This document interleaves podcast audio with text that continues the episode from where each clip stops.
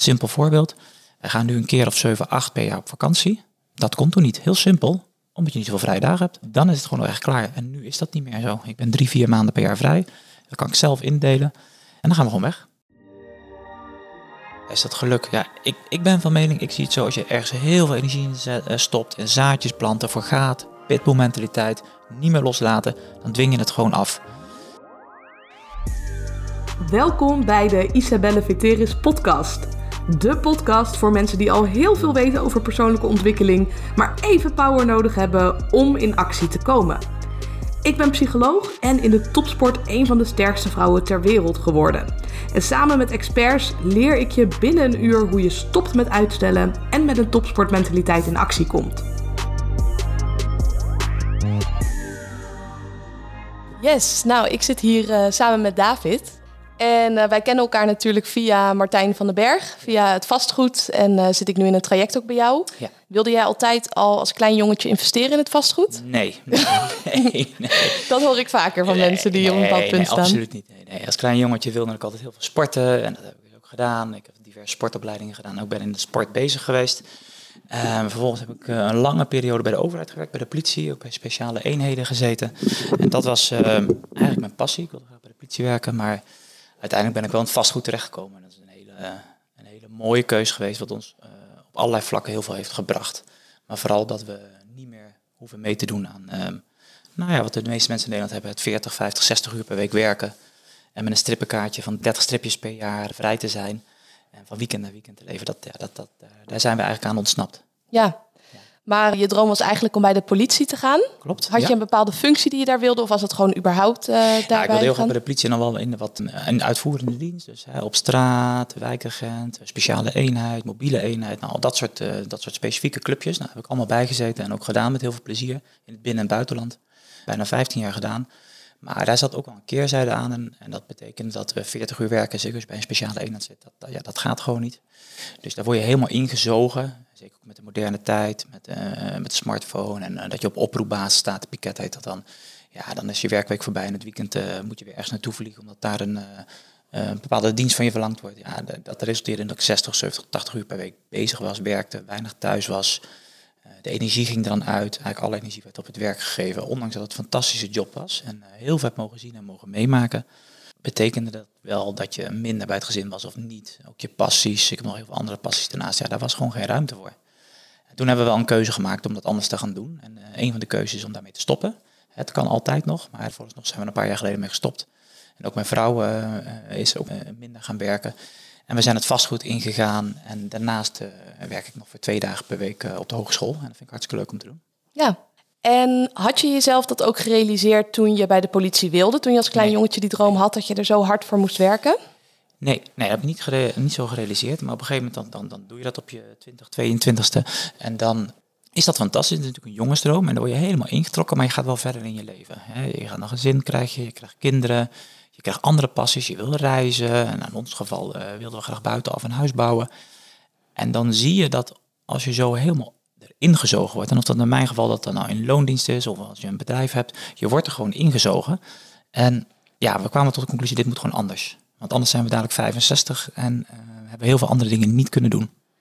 Ja, precies. En ook de valko is of je inderdaad nou een onderneming hebt of in loondienst zit, dat je goed bent in wat je doet. En dat het daardoor ook veel moeilijker is om eruit te stappen. Nou ja, dat, dat is dus ook zo. Want we hadden ook wel vrienden en kennissen die dan iets deden om echt puur om, eh, om hun, hun salaris binnen te krijgen. Ik deed echt iets wat ik heel leuk vond. Ik zat bij de mobiele eenheid en dat vond ik ontzettend leuk om te doen. Dus ja, ook natuurlijk om, om brood op de plank te krijgen. Dat is natuurlijk ook zo. Maar het, het, het spelletje wat ik daar speelde, dat, dat vond ik fantastisch om te doen. Lang bij de recherche gezeten, ook hetzelfde verhaal. Ik vond het heel leuk om dat te doen. Maar het had wel een keerzijde op alle andere vlakken. En Ja, je moest daar echt- een prijs voor ja, betalen. ik moest daar een prijs voor betalen. Ik was bijna nooit thuis, altijd weg. Ik weet nog wel, veel weekenden moest ik ook werken, s'nachts werken. Ja, dat is wel een prijs die je in het gezinsleven, dat, dat zagen we niet zitten. En we wilden echt gewoon veel meer vrijheid hebben. Vrijheid in geld, vrijheid in tijd en vrijheid vooral in keuzes te maken. Ja, Die drie pilaren eigenlijk. Ja. precies. Dus dat waren jouw kernwaarden en dat begon op een gegeven moment te schuren toen je Ja. bij de politie eh, zat. Dat is niet van de een op de andere dag. Dat heeft echt wel een paar jaar geduurd. Maar dat schuurde. Simpel voorbeeld. Wij gaan nu een keer of 7, 8 per jaar op vakantie. Dat kon toen niet. Heel simpel.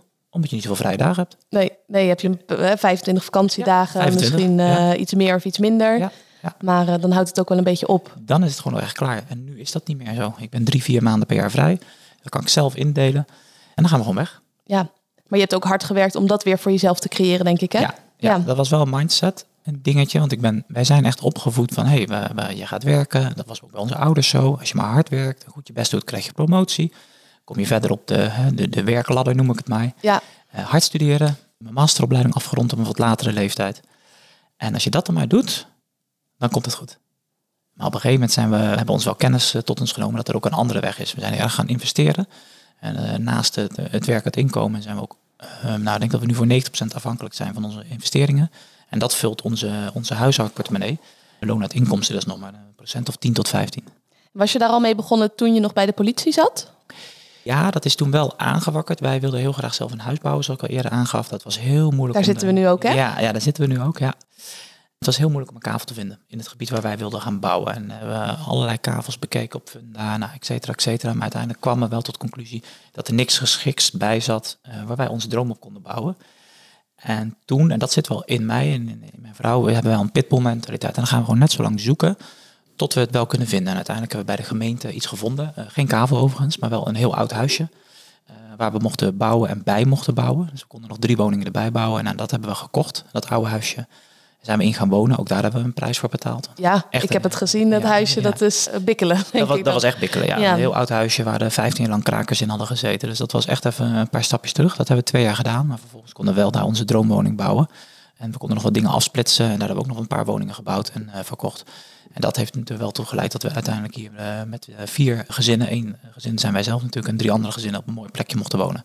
Dus dat was wel eh, de eerste stap voor ons. Gewoon puur uit, uit dromen en uit verlangen om een mooie plek te gaan, gaan wonen.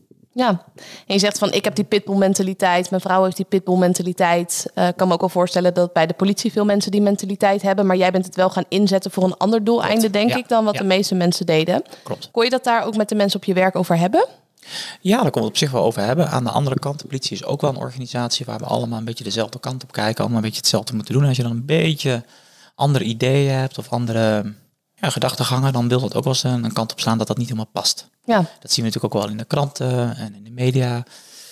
Ehm, zeker als het gaat om vastgoed. Dat is best Ja. wel negatief afgeschilderd in de media. Of als Klopt. jij geen studie hebt gedaan, of je studie niet afmaakt, of Klopt. niet in loondienst zit. Ja, ja, ja, ja, en wij hebben toen wel de keuze gemaakt om een andere kant op te gaan. Ja, dat is voor ons een hele goede keuze geweest. Ja. Ja, ja. Had je die keuze misschien eerder willen maken als je zo terugkijkt? ja misschien wel, ja. Ja. Ja, dat denk ik wel. Ja. Maar goed, er zit natuurlijk ook altijd wel een stukje angst in van eh, we hebben een goede baan, wat vindt de familie ervan? Je hebt er hard voor gestudeerd, goede rang binnen de politie. Angst om te verliezen, hè? Exact, om los Ja. te laten. En dan is het natuurlijk best wel even een stap om dat helemaal los te snijden. En gewoon andere keuzes te gaan maken. Ja, en ik denk ook als ik zelf zo terugkijk op mijn eigen leven, dan had ik bepaalde keuzes misschien eerder willen maken, maar dan was ik er ook nog niet klaar voor op dat moment. Hè? Door angst of misschien door andere redenen. En dan is het soms ook goed dat, het, dat je het op een bepaald moment wel hebt gedaan. Ja, ja. Nee, maar, Maar- dat is precies zoals je het zegt. Ja. Ja, het kan in ieder geval mij wel helpen om dan, als ik een nieuwe keuze moet maken, zoals een investering bijvoorbeeld doen of een andere keuze maken, dat ik weet van oké, als ik kijk naar mijn keuzes in het verleden, had ik eigenlijk gewenst dat ik die eerder wilde maken. Dus Klopt. ik hak maar gewoon die knoop door en dan zie ik wel waar ik uitkom. Ja, ja, ja. Nou ja, eh, een paar weken geleden was je hier ook. Toen zei ik tegen jou dat ik zo ontzettend aan het twijfelen was om elektrisch te gaan rijden. En jij ging hier toen weg. En je zei van maak nou gewoon die keus. Vanmiddag hak je de knoop door. En dat heb ik precies zo gedaan. En uiteindelijk is het hartstikke slim geweest. En een paar weken later was de sub- subsidiepot leeg. Dus dat is gewoon... Precies, en de prijzen zijn aan het en stijgen van elektrische stijgen. auto's. Ja, dus ja, ja, eh, ja, ja, ja, ja. Dus dat, eh, dat herken ik wel, ja. ja. Ja. En ik ben ook benieuwd van je tijd bij de politie. Je had die pitbull mentaliteit. Maar welke dingen heb je geleerd op het gebied van je mindset in eh, je tijd daar? Ja, ja. ja, het is sowieso een prachtige tijd geweest. En ik ben ook heel dankbaar dat ik al die opleidingen heb mogen volgen. Het is toch hartstikke fijn van loondienst, vind ik, dat ze je opleidingen allemaal vergoeden. Zeker, Hè? Als ik nu een coaching doe, dan moet ik zelf al die duizenden euro's eh, investeren. Klopt, klopt, klopt. Nee, dus daar ben ik ook heel dankbaar voor.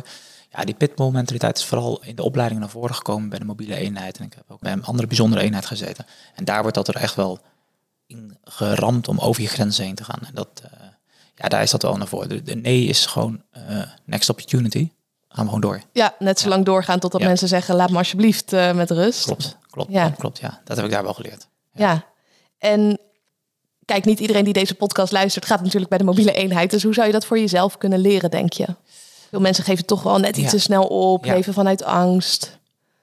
Ik denk wat je zou kunnen doen is op het moment dat je iets heel graag wil en je hebt het goed gevisualiseerd voor jezelf, daar wil ik naartoe, zo zie ik dat voor me, deze stap moet ik nemen. En als je onderweg, bijvoorbeeld als je moet iets aanvragen bij de gemeente en je komt in een front office terecht en je wordt afgehouden, om een andere manier te vinden om er toch binnen te komen, bijvoorbeeld om er naartoe te gaan. De juiste mensen te spreken, uit te vinden waar ze misschien op vrijdagmiddag de middagborrel hebben. Daar naartoe te gaan. Zorg dat je op een andere manier connectie kan maken dan met de mensen waar je, nou ja, waar je zaken mee moet doen, waar je iets voor elkaar wil krijgen. En dat nee gewoon echt betekent, oh, ik moet even een deurtje verder kijken. ja, precies. Niet, nu nou, nog niet is het. Het is geen definitieve nee. Geen definitieve nee. Ik denk dat dat het eerste is. Het tweede is, als je er echt van overtuigd bent dat het kan en dat het lukt en je wil dat doen. Hè, we zijn nu samen bijvoorbeeld bezig om een pand aan te kopen uh, voor jou. Als je dat heel helder hebt, dan gaat het gewoon lukken. Het gaat gewoon lukken. Je moet er wel echt energie in stoppen en niet twijfelen aan jezelf. Je zendt het uit en dan gaat het gewoon echt komen.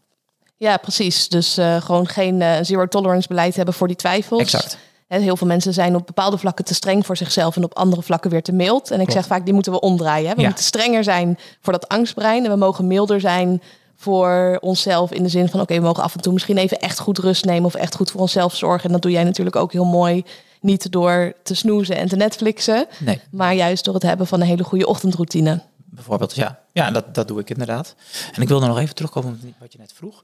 Wat ook uh, werkt is, wat is nou het als je een keuze maakt? Op je stopt bijvoorbeeld met je baan of je gaat hybride werken. Wat is het allerergste wat er kan gebeuren? En ga daar eens even rustig over nadenken. Het allerergste wat je kan gebeuren is dat je bijvoorbeeld ergens anders moet gaan werken. Of meer moet gaan werken. Of nou, als het op sportvlak zit, het allerergste wat er kan gebeuren is dat je gewoon helemaal kapot bent en volgende dag spierpijn hebt. Je kan altijd nog stoppen. Ja. Maar laten we het nu nog even niet doen. Ja, precies. En wat is het ergste wat er kan gebeuren? En kan je dat dragen voor jezelf? Dus stel, hè, bijvoorbeeld, ik ga nu het vastgoed in en ik zou al mijn geld verliezen. Worst case scenario. Worst case, ja. Denk ik dat ik dat kan dragen? Nou, ik denk dat ik dat wel overleef. Oké, dan ga ik het doen. Ja, ja precies, ja. Ja, dus dat je echt die afweging maakt. En als je denkt, ik kan het niet dragen, doe het dan ook niet. Of ga je mindset sterker maken dat je weet dat je het kan dragen. Ja, ja. Maar ik denk ook dat we onszelf vaak onderschatten in wat we aan kunnen. Dat denk dat ik we ook. zoveel meer aan kunnen dan uh, wat we denken. Dat denk ik ook, ja. Zeker, ja. Ja. En ik kan me ook voorstellen dat de politie een plek is waar je jezelf ook heel erg gaat tegenkomen. Waar je geconfronteerd wordt met je eigen overtuigingen. Zou je daar wat over willen delen? Nou ja, dat zijn wel plekken op het moment dat je echt inzetten hebt. En hele lange dagen moet maken van 14, 15, 16 uur. Uh, en je scherp moet blijven. Ja, wat ik bij mezelf tegenkwam is gewoon vermoeidheid. Ik heb gewoon wel mijn rust nodig. Uh, daar, dat, dat ben ik wel tegengekomen. Word je vermoeid, moet je toch scherp blijven. Volgende dag weer een inzet. En dat je dan echt fysiek wel nou ja, pijnen krijgt, minder scherp wordt. Uh, mijn motoriek werd minder, dus dat je zelf gaat bezeren. En je loopt wel met zware wapens rond. En niet onbelangrijk om dan ook wel daar scherp op te blijven. Ja, dat, dat, daar kwam ik mezelf wel in tegen. Ja. ja. En ben je dat toen ook gaan trainen voor jezelf? Ben je daar beter in geworden om onder die vermoeidheid toch te kunnen presteren? Ja, ik heb het wel getracht door dan momenten waar, waar, waar je niet zo gespannen te zijn, niet zo scherp te zijn, met minder slaap uh, uit te, te, komen. Dus dat ben ik gaan trainen. En een van de dingen was ook echt ochtendritune. Routine. Ja, ik verstruikel over mijn woorden. Ja. Voorheen was het zo dat ik dan in het weekend uit, uh, ging uitslapen tot een uur of negen. En, en door de week moest je dan heel vroeg op, om zes uur. En nu doe ik het gewoon standaard. Ik sta iedere ochtend gewoon om zes uur op, zodat het ritme er goed in zit. eerste uur en een kwartier zijn voor mij. Heb ik een aantal zaken die ik, uh, die ik dan doe. En dan om kwart over zeven, half acht begint de dag. Ja, want hoe ziet jouw ochtendroutine er nu uit? Ik sta om zes uur op, ik ga direct sporten. En dat uh, verschilt van de ene keer ga ik hardlopen, dan doe ik krachttraining. De dag daarna ga ik even yoga doen. Doe ik 20 minuutjes. Dus het gaat er niet om zo lang mogelijk te sporten of zo diep mogelijk te gaan. Gewoon even die hartslag uh, goed hoog te krijgen richting 180. Dat doe ik iedere dag. Vervolgens ga ik uh, mediteren, 10 minuutjes, kwartiertje. En dan even visualisatie, affirmatie, lekker een stukje lezen, koud afdouchen. En dan is het kwart over zeven. Ja, en doe je die meditatie dan op die mooie spijkermat boven? Ja, of is dat nog... Ja, uh, ja. ja iedere dag. Ja, ja supergoed. Ja, super. Ja, en dat zie je vaak bij succesvolle mensen, dat ze bepaalde routines hebben. En zeker ook in de ochtend, dat ze op tijd opstaan, dat ze uit de comfortzone komen. Heb je dat bij de politie geleerd of was dat iets wat je gaandeweg zelf hebt en ik gaandeweg gedaan? heb ik dat zelf ontdekt, ook vooral in het begin van de vastgoedperiode. Ik heb natuurlijk heel veel panden gekocht de afgelopen twee jaar. Ja, daar gaat veel energie en tijd in zitten. Dan ga ik diverse boeken lezen, ook over mindset. En die ochtendroutine had ik al veel meer over gehoord. En ik denk, ik ga het gewoon proberen. En dat is ook hetzelfde. Ik probeer het gewoon 66 dagen. Want dat ja, is, dan is de gewoonte. Dan is de gewoonte. En het ergste wat kan gebeuren, is dat ik stop. En dat doe je toch niet? Nee, ik doe het nu anderhalf jaar, twee Ja. jaar. Ja, ja. Nee, dat gebeurt niet meer. Want hoe was het voor jou om dan meer boeken te lezen over mindset? Waren dat voor jou hele nieuwe dingen of waren dat eigenlijk dingen die je al lang deed, maar dat je er nog geen naampje aan had gegeven? Ik las wel wat boeken, maar dat is wel de laatste twee jaar eh, echt toegenomen. Hè. Van het ene boek val je in het andere boek. Van de ene netwerkbijeenkomst, uh, fysiek of dan wel digitaal, kom je in het andere. Je krijgt van veel mensen tips en ik ga dat gewoon allemaal lezen. Nou, je ziet ze daarachter staan. Het zijn een boekje of 30, 40 en dat breidt langzaam. Het is maar een selectie, toch? ja, het is een selectie, ja. ja. ja. dat is een beetje, hoe moet ik dat zeggen? Ja, een beetje voeding voor de geest. Ja. ja. En met welk boek is het voor jou het meest begonnen? Toch wel Michael Platchik, denk ik. Hè? Ja. ja. En Master Mindset is dat natuurlijk. En Think and Grow Rich. Dat zijn de twee basisboeken voor mij. Ja, dus echt de mindset boeken daarin. Uh, ja, absoluut. En hoe ben jij toen in aanraking gekomen met het vastgoed? Dat is via Thijs Lindhout gegaan. Oh, wat leuk. voor mij ook dus. Ja, ja, ja, die heeft een podcast gedaan waar Martijn op een gegeven moment in naar voren kwam. Martijn van den Berg uh, van Vrijheid Vastgoed. En ik denk, ik ga hem toch eens even opzoeken wat het nou precies inhoudt. En ik was natuurlijk al bezig met het bouwen van ons eigen huis en de ontwikkeling van, van drie andere woningen. Ik denk, nou, wat, wat doet Martijn nou eigenlijk? Nou, en hij zit natuurlijk helemaal op het vlak van, nou, we kopen een woning aan. Die gaan we opknappen, dan wel renoveren. Uh, of hij is al helemaal, uh, helemaal klaar. Die gaan we verhuren. En we zorgen ervoor dat de huurders het heel goed hebben. Um, dat we goed vonden ze huurders zorgen. Ja, ze zijn geen huisjesmelkers nee, of polenpaleizen. Nee, of, uh, nee, ja. nee, nee, dus dat, dat, is, dat is wat Martijn doet. En daar heeft hij een driedaagse cursus in. Ik denk, nou ja, dat is misschien ook wel wat voor ons. Ik heb die, uh, die live workshop gedaan, drie dagen lang. Samen met je vrouw of ben je toen nee, alleen we zijn alleen gegaan. Ja, ja, ja, mijn vrouw doet op de achtergrond en ik doe echt het buitenwerk. Ja, en toen zijn we heel veel panden gaan aankopen door heel uh, Nederland heen. Ja. ja, waar was jouw eerste pand? Doetinchem. Ja, en nu zitten we eigenlijk overal van Rotterdam tot Heerlen, Hogeveen, Zwolle en alles ertussenin. Ja. ja, en wat maakt dat je het vastgoed in bent gegaan en niet bijvoorbeeld in de crypto of de aandelen of de edelmetalen of alle andere kansen die er zijn? Stabiliteit. Ja, dat is denk ik wel de reden. We hebben wel wat uh, crypto, ook natuurlijk wat aandelen, maar ja. vastgoed is natuurlijk heel stabiel. En als je over de afgelopen 200, 300 jaar kijkt, um, is dat gewoon een basislevensbehoefte, net zoals uh, de boodschap die uh, bij de supermarkt doet. En dat is de reden dat we in vastgoed zijn gegaan. Het is stabiel, tuurlijk, de markt kan wat inzakken. En dat zou je dan last van hebben op het moment dat je gaat verkopen. Maar op het moment dat je niet verkoopt, en dat is onze strategie, we houden dat uh, voor, voor nu en voor onze kinderen aan. Zal dan iedere maand huurinkomsten maakt dat niet uit, hè? Nee, dat maakt dan niet uit. En vaak juist als er crisis is, gaan de huurprijzen omhoog. Precies, ja, ja, ja. En je hebt gewoon een hele grote groep mensen in Nederland die niet uh, bij de woningbouwvereniging kunnen huren. En om wat voor reden dan ook nog niet willen gaan kopen. Dat kan heel divers zijn. Ik heb mensen die willen emigreren, mensen die net een eigen zaak zijn begonnen.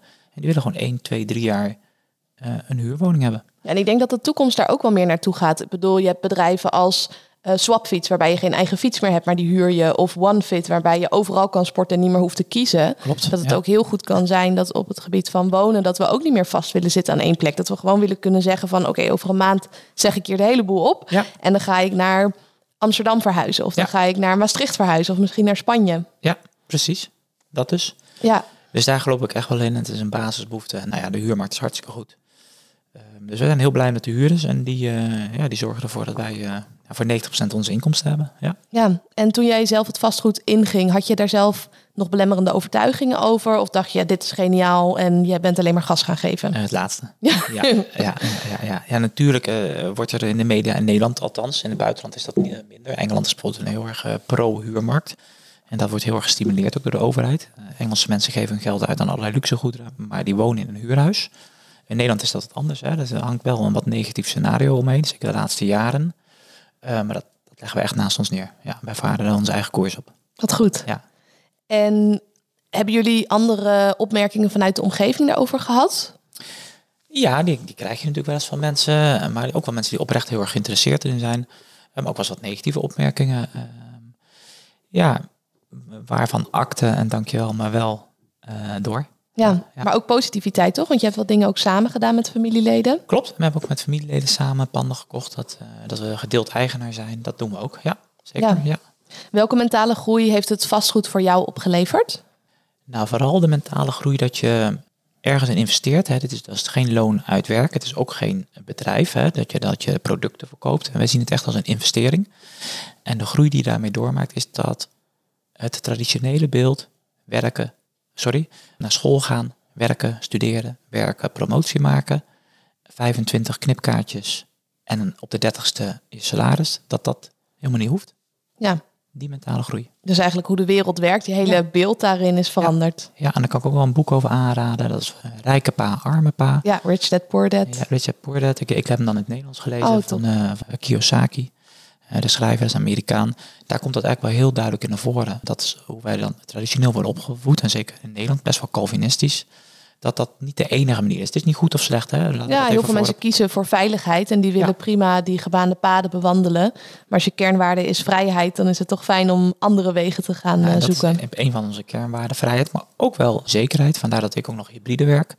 Uh, ik heb uh, gestudeerd en ik heb 15 jaar lang uh, in de veiligheidssector gewerkt. Dus ik vind het ook heel leuk om nog wel één of twee dagen per week ehm, daar nog mee bezig te zijn. Nou, ik doe dat nu nog twee dagen per week. Hybride dus. Ik zal dat denk ik in de toekomst na één dag doen. Eh, maar wel om ook mijn vakgebied nog eh, bij te kunnen houden, om het te kunnen overdragen. Dus niet zozeer om daar geld mee te verdienen, maar wel om daarmee bezig te zijn. Ja. ja. Ja, en ik denk ook een kernwaarde van jou en ook van mij is gezondheid. Ja. En 60 uur per week werken, of in mijn geval topsport doen, is niet optimaal voor je gezondheid. Nee, nee dat is ook zo. Nee, dat klopt. Daar heb je helemaal gelijk in. Ja, want wat is voor jou de. Hè, heb je op een gegeven moment de keuze gemaakt om die twee dagen per week dan in loondienst erbij te werken? Of is dat gewoon zo gelopen? dat is op een gegeven moment wel zo gelopen. In het begin van onze periode dat we met vastgoed begonnen, uh, werkte ik meer. Volgens mij werkte ik toen nog vier dagen per week. Nou, heel snel naar drie dagen gaan, nu twee dagen. Dat kon ook allemaal. Ja, uh, ja, ja, fijn. Ja, dat kon. Ja. Dus ik zou ook als tip willen geven als je een, een ommezwaai wil maken in het leven. Het hoeft niet altijd zwart-wit te zijn. Je kan natuurlijk ook gewoon hybride uh, eerst iets gaan proberen. Als je nou een onderneming hebt die je verder wil uitbouwen, of je wil starten met een onderneming, of je wil starten met investeren, begin dan met hybride. Probeer een tijd voor jezelf te creëren. Door bijvoorbeeld niet meer vijf dagen te werken, maar in overleg met je werkgever naar misschien naar drie of naar vier dagen te gaan. Dat zal misschien ook een offer zijn in financiën in het begin. En er komt wat meer druk op te staan dat je dus gas moet geven dat je op je nieuwe project. Ja, ja, ja, dat je daar dus gas op moet geven. En dan die hybride vorm, dat kan natuurlijk ook prima. En zeker na corona, veel werkgevers en bedrijven is dat ook mogelijk om hybride te werken. Plaats en tijd onafhankelijk, dat doe ik ook. Maar ook uren of onafhankelijk, schroef dat op een gegeven moment terug. En als je onderneming groeit, uh, of je investeringen groeien, nou, dan kan je dat afbouwen. Ja, en heb je ook voldoende zekerheid daarin. Ik coach natuurlijk ook veel ondernemers en een deel werkt nog in loondienst of die hebben nog een ander bedrijf daarnaast en die willen die switch maken. Ja. En ik raad ze ook meestal af om in één keer die switch te maken, omdat je dan in die paniekmodus komt. Dus dan moet je wel het geld gaan verdienen, waardoor je het niet meer helder ziet allemaal. En dan zou je net iets te snel een pand aankopen of dan ga je als je sales doet, ga je heel erg salesy zijn, waardoor je alleen maar de deal uh, gaat missen. In plaats van dat je dat dus uh, heel geleidelijk aan gaat uh, veranderen. Maar wel dusdanig, denk ik, wat ik net ook al zei, van zorg wel dat je uit die comfortzone komt. Dus dat je het financieel wat krapper hebt, dat je wel gas moet geven. En niet dat je denkt, oh, met drie dagen in de week kom ik eigenlijk prima rond. En dan hoeft dat andere ook niet. Nee, nee, maar dat is zeker waar. En wat bij mij erg heeft geholpen, toen ik ging afbouwen in loondienst, dat je zoveel tijd en ruimte in je hoofd krijgt om je, in ons geval dan investeren in vastgoed, om daar echt mee aan de gang te gaan. En ik blokte ook echt vanaf kwart over zeven tot s'avonds zes uur, was ik daarmee bezig. Ja. ja, en je hebt ook echt die creativiteit, die mentale space uh, nodig. Ja, ja. Want zodra je minder ging werken, ging je meteen al meer resultaten boeken in het vastgoed? Of had je eerst al uh, eerst nog wat opstarttijd nee, nodig? Helemaal niet direct. Nee. nee. maar dat is misschien ook onze mentaliteit, mijn mentaliteit. Daar ga ik ook vol gasten voor. Ja. ja. En, en doordat die ruimte er was, ging het ook lukken. Er kwamen ook mooie kansen voorbij. En we hebben volgens mij in die periode, in de eerste maand dat ik weer een dag minder ging werken, drie panden aangekocht. Wauw. Ja. ja. Heb jij denk je meer geluk gehad dan andere mensen of meer talent? Of komt het door die mindset? Ja, dat is wel een hele mooie vraag. Heb je geluk? Ja, dat denken mensen vaak. Ja, die heeft makkelijk praten, die heeft, de beste omstandigheden gehad, die heeft geluk gehad. Ja, ja. Ja, vind ik een hele moeilijke vraag. Ja, is dat geluk? Ja, ik, ik ben van mening, ik zie het zo, als je ergens heel veel energie in eh, stopt en zaadjes planten voor gaat, pitbull mentaliteit, niet meer loslaten, dan dwing je het gewoon af. Is dat geluk of creëer je het zelf? Ja, ik vind dat een moeilijke vraag. Ja, het is een combinatie denk ik ook van beide. Want als ik bijvoorbeeld kijk naar mijn eigen topsport, dan heb ik meer talent gehad dan de meeste mensen. Ja. Ik bouw heel makkelijk spiermassa op. Maar ja, anders was ik wel succes geworden in ballet of een andere sport. Dus uh, het is dan bijna onvermijdelijk met een goede mindset dat je succesvol gaat worden. Ja. Of op het gebied van vastgoed heb ik gewoon heel veel ja, geluk, of hoe je het wil noemen, dat uh, je al wat eigen vermogen hebt opgebouwd. Ja. Uh, of dat je mogelijkheden hebt om vermogen te krijgen. Maar al heb je dat niet. En Martijn van den Berg is daar een heel mooi voorbeeld van. Dan zijn er altijd andere mogelijkheden ook om dat voor jezelf goed te regelen. Ja, want hij begon met min 30.000 euro. Precies, ja, precies. Een grote schuld. Ja, ja, dus hij had eigenlijk alle redenen waarom het niet zou lukken. Waarom het niet zou kunnen om in de put te gaan zitten. Ja, is het geluk? Ik vind het een mooie vraag. Maar de, ja, de Michael Jordan, dat was niet de meest talentvolle basketballer. En zo zijn er natuurlijk nog wel meer voorbeelden. Heel veel voorbeelden. Of uh, veel uh, artiesten die bijvoorbeeld dan ook diep in de schulden zaten. Helemaal niet of, of afgewezen waren door allerlei uh, instanties. J.K. Rowling is ook een mooi voorbeeld. Ja, ja, zeker. Dat ze eerst haar boek niet wilde laten drukken. Of uh, Shakira, waarvan haar zangleraar had gezegd dat ze zong als een uh, huilende geit. Ja, ja, en toch zijn ze allemaal heel erg beroemd nu. Ja, en als je dat dan bestudeert of dat be beleest, er zijn natuurlijk verschillende boeken over geschreven. Hoe, hoe, komt het dan toch dat deze mensen heel succesvol worden? Volgens mij is een belangrijk ingrediënt. Ja, ik noem het de pitbull mentaliteit. Dat is, dat is een beetje hoe ik het vernoem. Gewoon niet opgeven, gas geven, blijven gas geven. En bij Shakira was het nee. Maar dat is gewoon even een paar deurtjes verder en dan wordt het vanzelf ja. Ja, want wat zijn bij jou grotere tegenslagen geweest daarin in je leven? Zowel in het vastgoed als politie, als misschien op andere vlakken. Nou ja, ook wel met het bouwen van deze woning. Dat je op een gegeven moment met een probleem zit dat je zoveel kuub uh, grond over hebt. Uh, aan een vrij groot bedrag wat weg moet, bijna 10.000 euro. Nou, dat was wel even slikken. Dat was wel een tegenslag in de bouwen. Ja, of je laat het liggen en je hebt twee uh, skibulten in je tuin liggen waar je als je dat gaat sneeuwen vanaf kan skiën. Ja, dat wil je natuurlijk niet. Uh, nou, dat is een heel concreet voorbeeld, maar dan moet je, moet je dan wel oppakken. En hoe doe je dat dan? Ja, niet erin blijven hangen, naar de oplossingen kijken. Wat zijn de mogelijkheden? Even goed op papier zetten en dan gewoon een keuze maken. Ja, dus juist actie ondernemen. Actie, hè? Vaak actie, als er problemen actie. zijn, zie ik bij mensen dat ze hun kop in het zand gaan steken, ja. uitstellen, ja. andere dingen gaan doen. Ja. Terwijl als je je er even in verdiept, juist als je kennis hebt en actie onderneemt, dan is het in mijn optiek ook veel minder stressvol. Ja, en misschien wel een stapje ervoor. Het wel even de verschillende opties naast elkaar leggen. Ja. Ik kan dit doen, ik kan dat doen, ik kan dat doen. A, B, C, keep it simple. Oké, wat zijn de opties? En dan het liefst even sparren met iemand en dan de knoop doorhakken. Wat hebben jullie toen gedaan? Pragmatisch, ja, heel simpel. Uh, laten keuren die grond, want je kan niet zomaar met grond gaan rijden in Nederland. Dat is allemaal heel streng. Laten keuren, uh, ogen dicht doen, betalen en volgens mij zijn er twaalf vrachtwagens gekomen. ja, en twaalf vrachtwagens helemaal leeggeschept. En dat, dat zand krijg je niet in die vrachtwagens. Dus er moet ook weer een kraan bij komen. Wauw. Die zijn ook niet goedkoop. Ja, slikken. Ja, ik heb vaak bij bepaalde keuzes dat ik denk... ga ik dit over twintig jaar nog herinneren of over tien jaar nog herinneren? En gaat het dan nog steeds pijn doen? En misschien bij dit soort dingen dat je denkt van... oh ja, dat, dat weet ik dan nog wel. Ja. Maar je gaat je leven er niet anders door leven waarschijnlijk. Nee, want s'avonds doe ik gewoon weer een spelletje aan tafel met, uh, met mijn kinderen en met mijn vrouw. En uh, we gaan weer door. Ja, gewoon pragmatische keuzes, slikken, navelstreng afsnijden en door. Niet in blijven hangen. Voel je daar dan ook helemaal niks bij? Ja, als je de factuur krijgt. Ja. ogen dicht en door. Ja, want hoe hou je die balans dan tussen uh, deels je ratio? Hè? Want je bent gewend om over grenzen te gaan en op bepaalde ja. vlak is dat ook heel fijn. En aan de andere kant zijn die emoties ook heel waardevol, want dat zorgt ervoor dat we kunnen connecten met elkaar. Of die geven soms ook weer dingen aan. Dus hoe hou je die balans voor jezelf? Ja, wat, wat bij mij vooral is dat ik vaak in mijn ratio zit. Maar ik probeer ook steeds meer gewoon echt met mijn buik te voelen. Wat voel ik erbij? En die combinatie te maken. En ik heb af en toe dat ik wel eens een keuze maak en met mijn ratio moet ik ja zeggen, maar mijn gevoel zegt nee. En dan ga ik steeds meer naar mijn gevoel doen en dan doe ik het gewoon niet. Oh, wat goed. Ja, bij twijfel niet inhalen. Ja, want het wordt natuurlijk ook wel een beetje bij het vastgoed geleerd van je moet naar de nummers kijken en de sommetjes en vooral niet veel naar je gevoel luisteren. Klopt, klopt. En naar angst zou ik inderdaad ook niet aanraden om te luisteren. Maar ik kan me ook wel voorstellen dat je soms het gevoel hebt van volgens mij moet ik dit niet doen. Ik weet niet waarom, maar er is iets mee. Ja, ja, en dan laat ik hem ook schieten hoor, het pand. Ja. ja, dan laat ik hem gaan. En hoe heb je dat voor jezelf getraind om daar meer naar te luisteren? Ik kan me voorstellen dat als je natuurlijk heel erg getraind bent om op die ratio te gaan, dat die connectie minder wordt. Die was ook minder, of die is nog steeds minder bij mij. Ja, hoe traint dat door? Ja, toch even mindsetboeken te lezen. Luister goed naar post podcast van diverse mensen, hoe zij dat dan doen. En ik heb mezelf ook aangeleerd, ook gewoon even goed met je gevoel een beslissing maken. Naast de ratio, het moet kloppen, maar wat is het gevoel erbij? Ja. He, met keuze van bijvoorbeeld, er wordt hier nu buiten geschilderd. Je hebt een aantal offertes, maar kijk ook even goed naar recht in de ogen naar de persoon die de opdracht wil geven. En wie gun je net en waar heb je een goede connectie mee? Nou, daar, hebben, daar hebben we op basis de, het schilderwerk wat hier nu wordt gedaan buiten, uh, hebben we ook een keuze gemaakt. Om even de mensen recht in de ogen aan te kijken. Ja, dus je bent het gaan oefenen juist door kleinere keuzes. Door bijvoorbeeld het schilderwerk, of hoe ik het wel eens ben gaan oefenen, is gewoon in de supermarkt geen lijstje meenemen en gewoon te voelen van waar heb ik nou ah, eigenlijk zin in. In plaats van dat je elke keer heel rationeel gaat bedenken wat je gaat doen. Of met trainen, dat ik dan geen schema volg. Want ik weet dat ik toch wel ga trainen, maar gewoon eens kijken van waar heb ik nou echt zin in vandaag. Ja, ja, ja, ja precies. Ik doe het trouwens ook wel eens in mijn ochtendritueel, dat ik hem wat omgooi. Dat ik bijvoorbeeld eerst even ga lezen en dat ik dan pas daarna ga sporten. Ja, ik denk dat een routine ook heel erg goed kan bijdragen om iets op te starten. En dat je dat dan op basis van discipline gaat doen. En uiteindelijk, dat als je naar je gevoel gaat luisteren, dat het veel meer gaat flowen. Dus dan blijf je je ochtendroutine doen zoals ik dat doe. Ja. Maar dat ik per dag bepaal van heb ik nu zin om een rondje buiten te wandelen. Want als het super lekker weer is, heb ik daar heel veel zin in. Of in de winter ga ik sneller mediteren. Of op mijn spijkermat liggen of even yoga doen. En dat je daardoor ook meer iets gaat ontwikkelen wat echt bij je past. Klopt, klopt. Ja, ja. dat klopt precies. Ja. Ja, en en misschien ga je dat in de toekomst nog wel meer ervaren. Maar dat als het gaat om het luisteren naar je gevoel, dat is natuurlijk 90% van je onbewuste informatie, dat je nog betere keuzes gaat maken. Ja, dat denk ik ook echt. Hè? Want daar ben ik natuurlijk overal op getraind. Bij de politie, dat was ook heel veel op gevoel. Ja.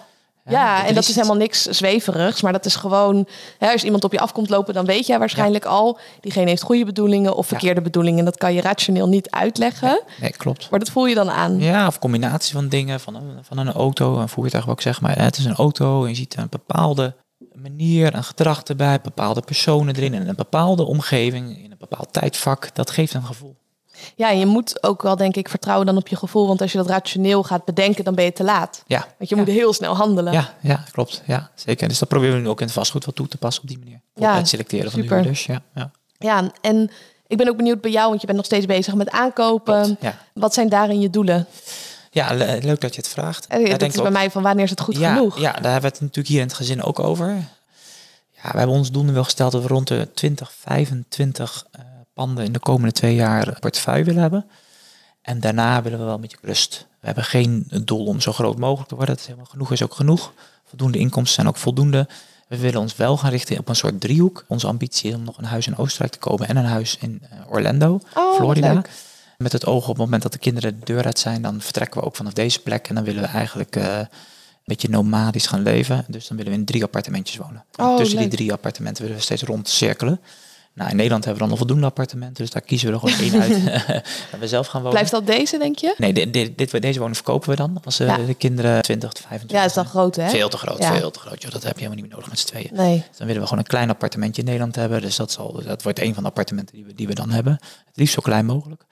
En dan één in Orlando en één in Oostenrijk. En van de zomer gaan we in Oostenrijk kijken naar een appartement om aan te schaffen. Ja. En waarom liefst zo klein mogelijk? Omdat we dan zo min, mogelijk ballast hebben. Ja, Omdat we dan veel willen reizen. En tussen die appartementen. Dus eigenlijk is het appartement alleen om te slapen, te eten en te douchen.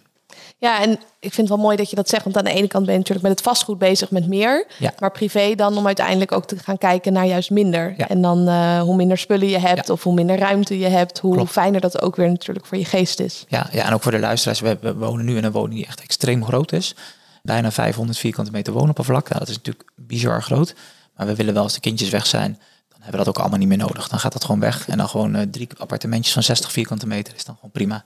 Eén slaapkamer, keukentje, douchen. En verder kan je lekker buiten bezig zijn met je hobby's en je passies. Ja. Ja, zou je dan ook een stuk grond bij je appartement willen? Nee hoor, liever Dat niet. hoeft niet, Nee, eh, nee, nee, nee, Nee, nee. omdat je wel ook bezig bent met ijsbaden, sauna's, trainen. Klopt, maar dan gaan we dan gewoon allemaal gewoon naar plekken toe waar het is. En dan kan je dat Ja, precies. zo min mogelijk onderhoud. Want als je drie appartementen hebt waar je tussen reist, wil je niet als je ergens aankoopt die een gras moeten maaien. Of, eh, nee, Nee. nee, nee, nee. Nee, leuk. Dus En vastgoed heeft jou natuurlijk een heleboel opgeleverd. Wat heeft het jou gekost, denk je? zo, dat is een goede vraag. Nou ja, het heeft in het begin in de opbouwfase kost ontzettend veel tijd. Heel veel research voordat je een pand kan aankopen. Dus ja, daar moet je wel, we zijn er nu twee jaar mee bezig. Dan moet je gewoon op andere vlakken dingen laten. Weinig thuis. We zijn ondertussen wel veel op vakantie gegaan. Maar ja, het kost veel. Je staat wel heel veel aan. Heel veel met je telefoon bezig. Dus daar, daar wil ik op een gegeven moment wel, als het allemaal aangekocht is. Hè, en het is, het is goed. En een goede beheerder ertussen. Dan willen we dat ook dat daar wat meer rust in ko- eh, komt. Dus wat heeft dat gekost? Ja, eh, dat is bij, denk ik bij iedere business die je opbouwt. En iedere investering die opbouwt. Dat kost wel heel veel tijd hoor. Ja, op het moment dat je vaak op één pijler focust, of dat nou je bedrijf is of vastgoed, dat dan de andere pijlers soms op een iets lager pitje komen te Ja. staan. Je relaties, je mindset, je lijf. Gezin. Ja. Ja. Ja. sporten. Ik tennis heel graag. Nou, er zijn echt wel wat weken voorbij gaan dat er niet getennist wordt. Ja, dat, dat is wel de opoffering die je moet maken. Want eh, je vaste tennisavond is maar wat, ik zeg maar wat dinsdag, maar dan kon je ook een pand aankopen op dinsdagavond. Ja, dan gaat dat wel voor. Ja. En voor de luisteraars, die zullen misschien ook de droom hebben om een bedrijf op te starten of op te schalen. En denken, ja, ik wil mijn partner niet verliezen. En ik wil niet eh 100 plus kilo gaan wegen. En ik Nee. wil niet ongelukkig worden. Dus hoe zorg je er dan toch voor, ook al focus je op één pijler, dat die andere pijlers niet helemaal gaan omvallen? Ja, nou, dat, eh, hoe, ik dat heb gedaan is door heel vroeg op te staan. Het ochtendritueel, zodat iedere ochtend dat sport er gewoon in zit. Ja, dan heb je dat in ieder geval gedaan. Heb je dat in ieder geval gedaan? Wat bij mij, maar dat is persoonlijk, als ik heel hard werk, dan ga ik gewoon automatisch wat minder eten. Dat is overigens niet gezond. Maar dat, dat, dat, dat heb ik, dan vergeet ik dat gewoon een beetje. En ook, ook met drinken trouwens. Eh, dan is daar geen ruimte voor chips of voor chocola en voor andere ongezonde dingen. Omdat je gewoon heel druk met, de, met die focus bezig bent. En de laatste vraag van jou, hoe eh, zorg je ervoor dat je niet je relatie of je gezin kwijtraakt? Ja, de, de manier hoe ik dat heb gedaan is door heel veel weekendjes weg te gaan. We gaan echt nou, bijna iedere maand wel een weekendje weg Oh, wat leuk. om met het gezin ook uit de business te zijn, uit die laptop te zijn, uit de, de woning waar we wonen te zijn, waar ook nog heel veel eh, gebeurt. Om gewoon lekker weg te gaan naar een huisje of naar een hotel met het gezin en mooie dingen te doen. Telefoon uit. Plan die dan van tevoren al allemaal in? Ja, zonder dat we dat nog eh, geboekt hebben. We plannen ze allemaal in. Ja, precies. Want ik kan me ook wel voorstellen, dat merk ik ook in mijn eigen agenda, die loopt wel vol. Die loopt vol, ja. En dan kan je niet heel makkelijk zeggen, oh, deze zaterdag ga ik eventjes, hè, want eh, je gaat graag met je dochter naar Van der Valk, ga ik eventjes een weekendje daar naartoe. Nee, nee, we plannen ze echt in. En ook de schoolvakanties, die worden allemaal geblokt. Want ik werk ook nog in loondienst, dus die worden ook allemaal geblokt. En alle schoolvakanties zijn we weg. Ja, dus ook voor de luisteraars, pak je agenda erbij naar deze Ja. podcast en ga alvast je vrije dagen inboeken, misschien je vakanties, Klopt. je weekenden. Ja, vaak doen mensen het andersom. Hè. Ze willen op vakantie gaan, eerst een vakantie zoeken en dan gaan ze vrij nemen. Wij draaien het om. Ja, slim. Dus eh, de kerstvakantie staat nu al helemaal op vrij. Maar ik heb geen idee waar we zijn. Ja, dat maakt ook niet uit, hoor. Maakt ook niet uit. We zijn in ieder geval niet hier. Nee. Nee. Mooi. Je gaf inderdaad aan van nou, die weekendjes weg, die helpen heel erg. Wat helpt nog meer in je relatie om dat goed te houden? Ik denk dat jij en je vrouw daar ook wel heel mooi uniek in zijn. Dat jullie echt een team vormen Ja. in het hele vastgoed. Ja, ja, we zijn wel echt een team eh, erin. Dus ik doe echt de buitenkant. Ik, ik, ik ga erop uit. Ik koop ze. Ik bezichtig de woningen. Ik heb het netwerk, et cetera, et cetera. En zij pakt meer het binnenwerk, controleert de contracten. Nou, alle hele ingewikkelde Excel-sheets hebben we inmiddels in elkaar geklust. Die houdt zij bij. Ehm, nou, eigenlijk de hele administratie houdt zij bij. En ik pak de buitenkant. Zij is volgens mij... Ik denk dat ze nog in geen één woning geweest is binnen. We zijn er wel eens langs gereden. Maar ik denk dat na 70% van de woningen we nog nooit langs zijn gereden. Ze, ze heeft echt geen idee waar het is. Nee, dat hoeft ook helemaal niet. Dat hoeft ook helemaal Nee. niet. Nee. nee, ze weet de stad en de straat. Ze heeft natuurlijk op Street View gezien, maar dan houdt het ook wel op. Ja, ik denk wel dat het helpt dat je natuurlijk je partner dus betrekt in het doel wat je hebt. Ja. Of dat nou voor 10% is of misschien voor 1%, maar dat dat door, daardoor wel ervoor zorgt dat ze meer aangehaakt blijven. Dat moet wel. Dit doen we echt als team. Ja, De woning staat ook op beide namen, dus dat moet ook wel. Als er iets met mij gebeurt of met haar gebeurt, dan moet je dat wel goed geregeld hebben, ook notarieel. Maar je hoeft niet alles samen te doen. Dat gaat ook niet. ja, Dus daar maken we echt een tweedeling in, ook wel gewoon puur qua time management. Ehm, doordat zij dingen binnen huis doet en de administratie kan ik buiten weer verder. ja. dus eh, zo kan je ook weer meer gas geven. Ja, ja, Ja. zeker. Raad je ook aan voor mensen om het juist samen te doen? Ja. Of het nou een partner is, of een familielid, of een vriend of vriendin. Ja, dat raad ik wel aan om het samen te doen. Dan ben je gewoon echt een team. Kan je het samen oppakken, kan je sparren, kan je eh, zaken delen. Ik zou dat echt samen doen. Maar ook voor de luisteraars die misschien een bedrijf willen beginnen. Als je partner er niet achter staat, dan moet je je thuis ook daar weer in gaan verdedigen. Dat, Dat, schiet niet op, hè? Dat schiet niet op. Dat geeft toch een negatieve eh, vibe. Dus ik denk dat het belangrijk is om dat echt samen op te pakken. Ja. ja. ik heb ook wel relaties gehad met mensen die geen ondernemer waren.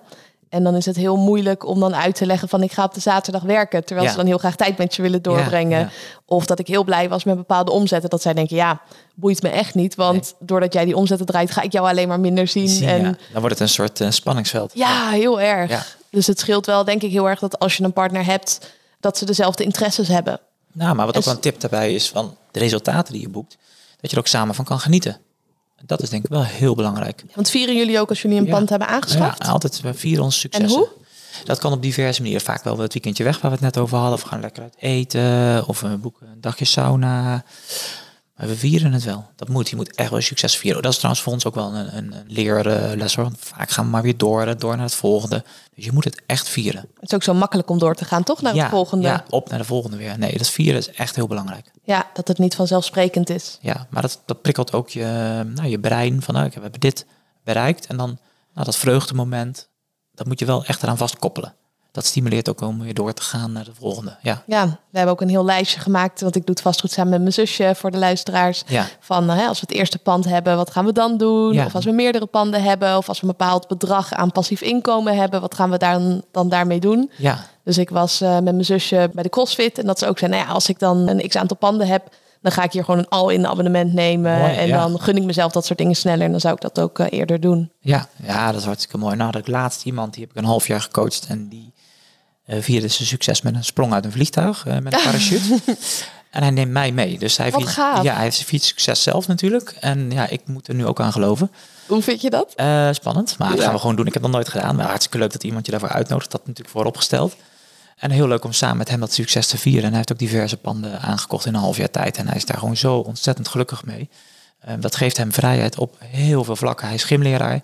Moest ook altijd vijf dagen per week werken. Tegen een eh, nou, prima salaris, maar ook geen top eh, salaris. Dat je, eh, je moet ook wel nadenken over, over je uitgaven. En nu kan hij door, volgens mij heeft hij drie panden gekocht. Ja, kan hij heel veel keuzes maken. Hij stopt niet met werk hoor. Ja, maar dan ga je werken omdat je het wil. Ja, precies. Ja. En waar je wil en hoeveel je wil en met wie je wil. Had hij veel eigen vermogen of is dat niet per se Nee, nodig? dat viel wel mee hoor. Hij had natuurlijk wel wat gespaard, maar hij had niet extreem veel eigen vermogen.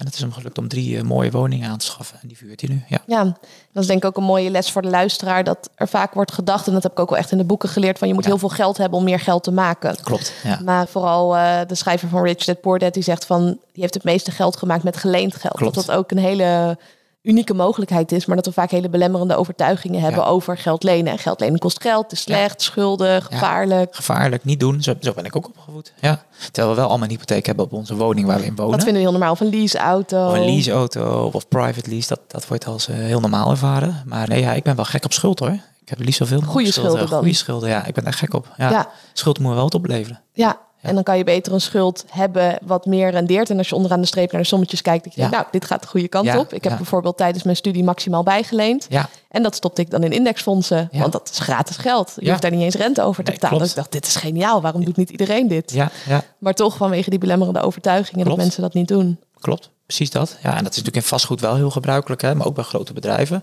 Aan de ene kant van de balans hebben ze heel veel vermogen staan.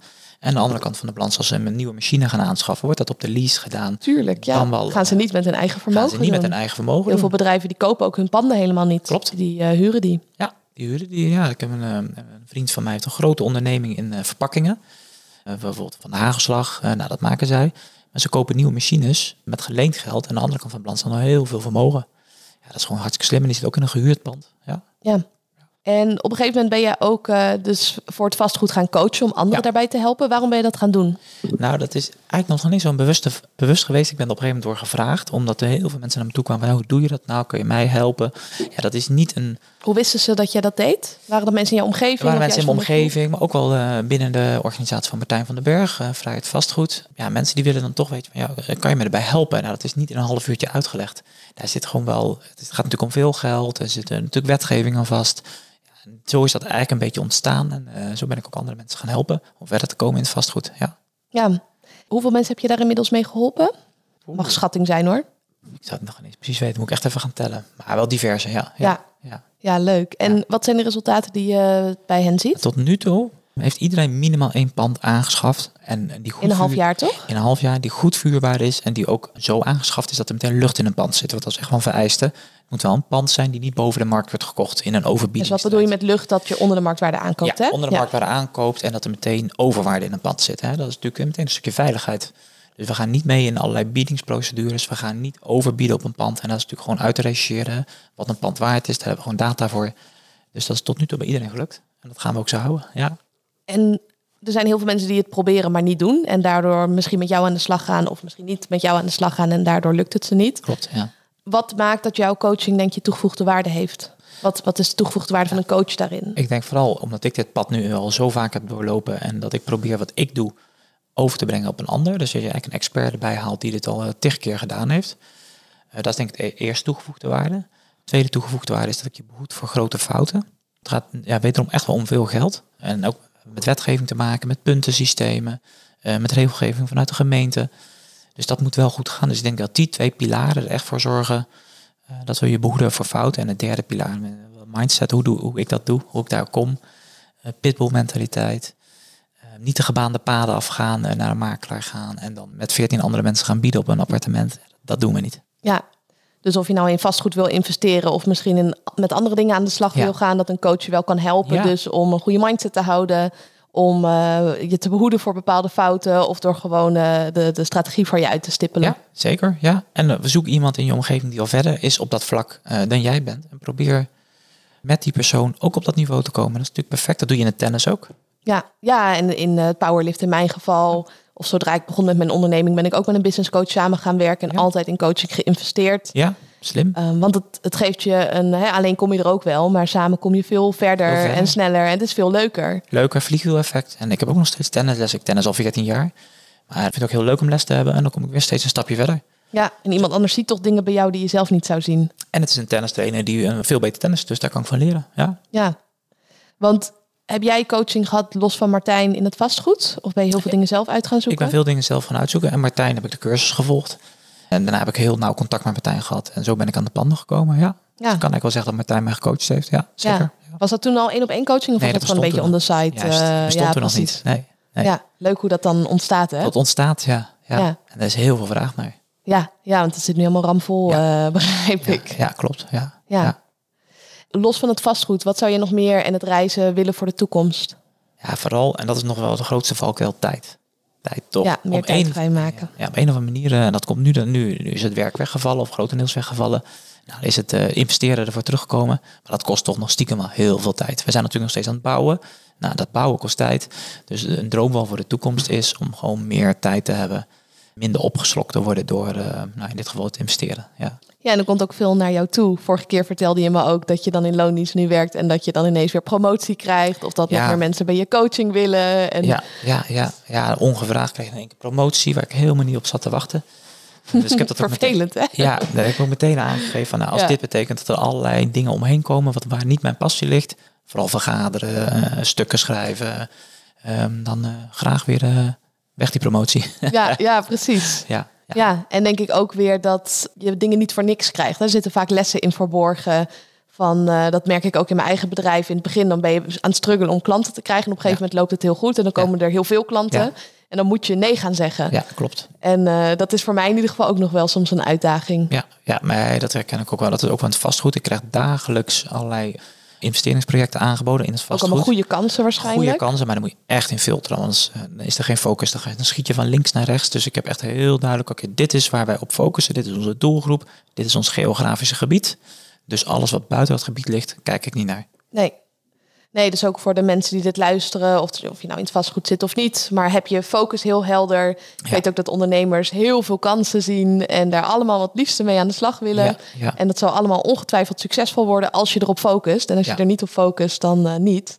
Nou, je ziet ook wel bij bedrijven die het heel goed doen, in mijn optiek. Ik heb ook nog eh, bedrijfskunde gestudeerd, eh, een paar jaar Welke geleden. bedrijven doen het goed in jouw optiek? Niche-markt. Ja, Ja. ja Mensen die, die kiezen. in echt een niche-markt zitten. Ik vind de chocoladefabrikant Ton- eh, Tony Chocoloni echt een niche waar ze in zitten. Of mensen die alleen maar eh, in plaats van elektrotechniek doen, alleen maar laadpalen installeren en geen andere elektrotechniek. Alleen maar die palen neerzetten. Is ook een niche. Dat soort bedrijven draaien heel goed. Ja, want dan weten mensen je ook te vinden. Ja. Als Ja. ik een, een laadpaal wil installeren, dan ga ik dat googlen. Ja. En dan denk ik, hé, hey, daar zullen ze ook wel heel erg goed in zijn. Want dat, Ja. dat is het enige wat ze doen. In plaats van dat ze twintig verschillende diensten aanbieden. Precies. Gewoon smal, waar veel behoefte aan is, een niche-markt. Ja. Ja. En daar heb je ook minder concurrenten in. Daarom ben ik gaan powerliften. Dat doet bijna niemand. Nee, ja, precies. Dat, Eh, dat terwijl als ik was gaan voetballen, dan eh, was het iets moeilijker geworden om succesvol te zijn. Nou ja, en je hebt ook een identiteit als bedrijf. Hier ben ik goed in, dit doe ik, de rest doen we niet. Ja. ja, en dat het ook heel krachtig daarmee kan zijn om nee te zeggen van... hé, hey, je komt bij ons, maar deze vraag past niet bij ons. Dus ik verwijs je door naar mijn concurrent. Precies, ja. ja, ja. Dan is het eigenlijk niet echt een concurrent. Nou ja, daar is Martijn van den Berg met vrijheid vastgoed ook wel een goed voorbeeld van. Er zijn natuurlijk legio eh, cursussen eh, met betrekking tot investeren, daytrading, crypto, aandelen. Hij doet alleen vastgoed. Heel smal, heel duidelijk. Dit doen we, hier zijn we goed in. En de rest zijn andere partijen voor. Ja, en tot nu toe ook alleen vastgoed in Nederland en Ja. dan aankopen om te verhuren. Dus geen fix en flip, geen rent-to-rent eigenlijk. Juist. Geen dingen nog in het buitenland. Klopt. Eh, Klopt. dat het heel helder is eh, Heel waar je ervoor bent. En daar is eh, voldoende vraag voor en voldoende kansen voor. En dat, dat doen we. En dat doe ik ook in onze portefeuille. Dat is het enige wat wij doen. Wij doen ook geen bouwvallen opkopen. Helemaal verbouwen, daken eraf halen. Nee, we doen er gewoon standaard dingen. Eh, Tussenwoningen, hoekwoningen, appartementen.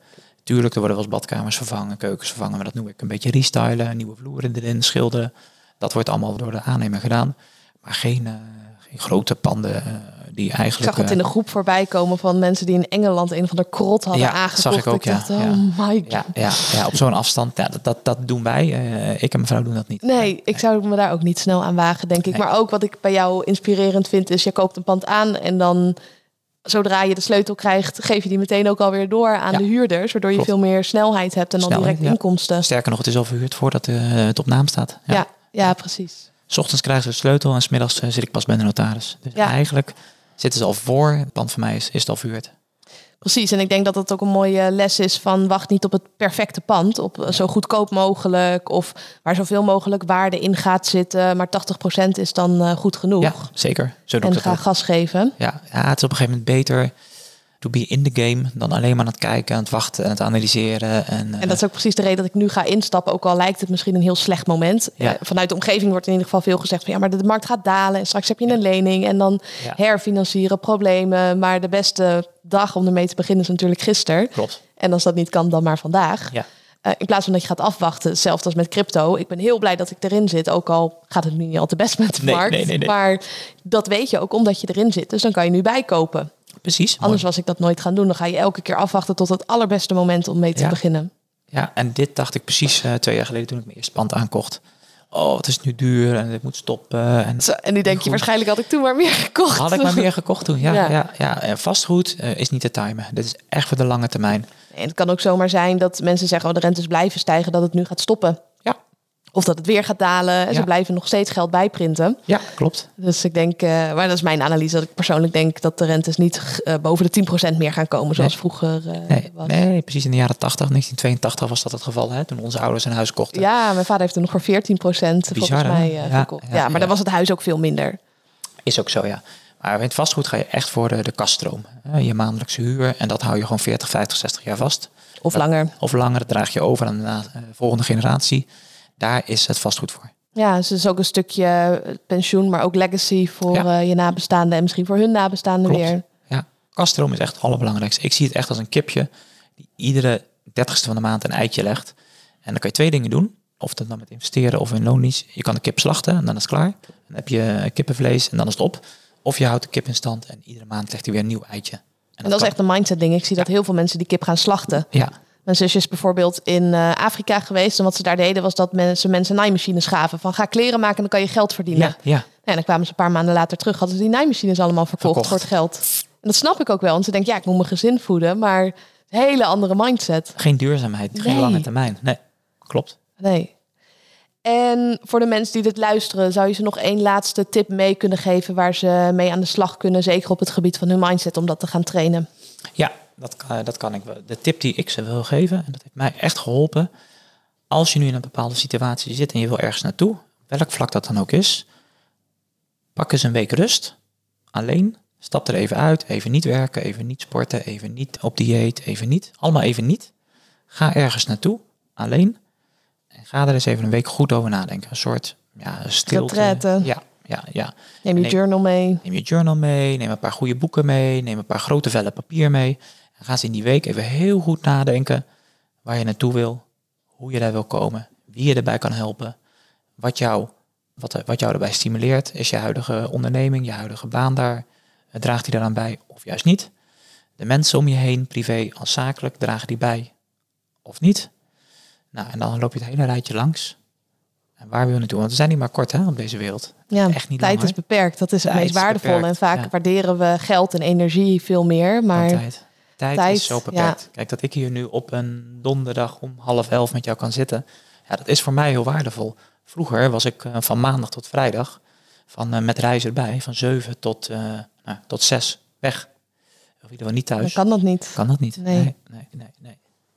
Nee, mooie tip. En Ja. ook voor de mensen die dit luisteren. Kan heel confronterend zijn om met jezelf een week te gaan zitten. Want dan Ja. krijg je ineens die stem te horen die die dingen gaat zeggen die je eigenlijk al weet. Ja. Dat je dus moet eh, kappen met je werk. Of eh, dat je bedrijf niks meer voor jou is. Of misschien Ja. dat je moet kappen met bepaalde vrienden. Dat het niet meer voor je werkt. Bepaalde gewoontes. Ja. Eh, maar voordat je misschien een heel duur coachingstraject gaat doen, dan moet je eerst wel weten welke kant je op wil. Waar je heen wil, ja. Ja, en dat zo'n week, of misschien voor sommige mensen dat dat iets te hoog gegrepen is, een dag, dat dat al heel erg kan helpen. Ja, doe dat wel. Dat zijn eigenlijk mijn tips en doe dat niet thuis. Nee, nee, nee, zoek een andere locatie ervoor. Andere locatie op en waar je dan kan slapen, waar je even goed kan eten en doe het alleen. Ja, nou dan wil ik hem daar graag bij afsluiten. Dankjewel. Ja, jij ook bedankt. Yes. Dankjewel weer voor het luisteren naar deze podcast. Als je me zou willen helpen door dit te delen op social media, door een review te plaatsen van 5 sterren, door een reactie te geven, dan zou ik dat echt super fijn vinden en dan ben ik je daar enorm dankbaar voor. Als je deze podcast luistert, dan betekent het waarschijnlijk ook dat je bezig bent met je persoonlijke ontwikkeling. Dat je al heel erg veel misschien erover weet, maar dat het je niet lukt om in actie te komen. Dat is ook precies de reden dat ik een boek daarover heb geschreven. Het heet Stoppen met uitstellen, hoe je met een topsportmentaliteit in actie komt. Ik zal sowieso even een linkje in de show notes plaatsen, maar je kan het bestellen voor minder dan twee tientjes via mijn website isabelleveteris.com slash boek. Of je kan hem gewoon bestellen via bol.com. Superleuk eh, als je dat doet. En dan eh, ga ik een persoonlijk kaartje voor je erbij doen en dan krijg je hem op je deurmat. Tot de volgende aflevering.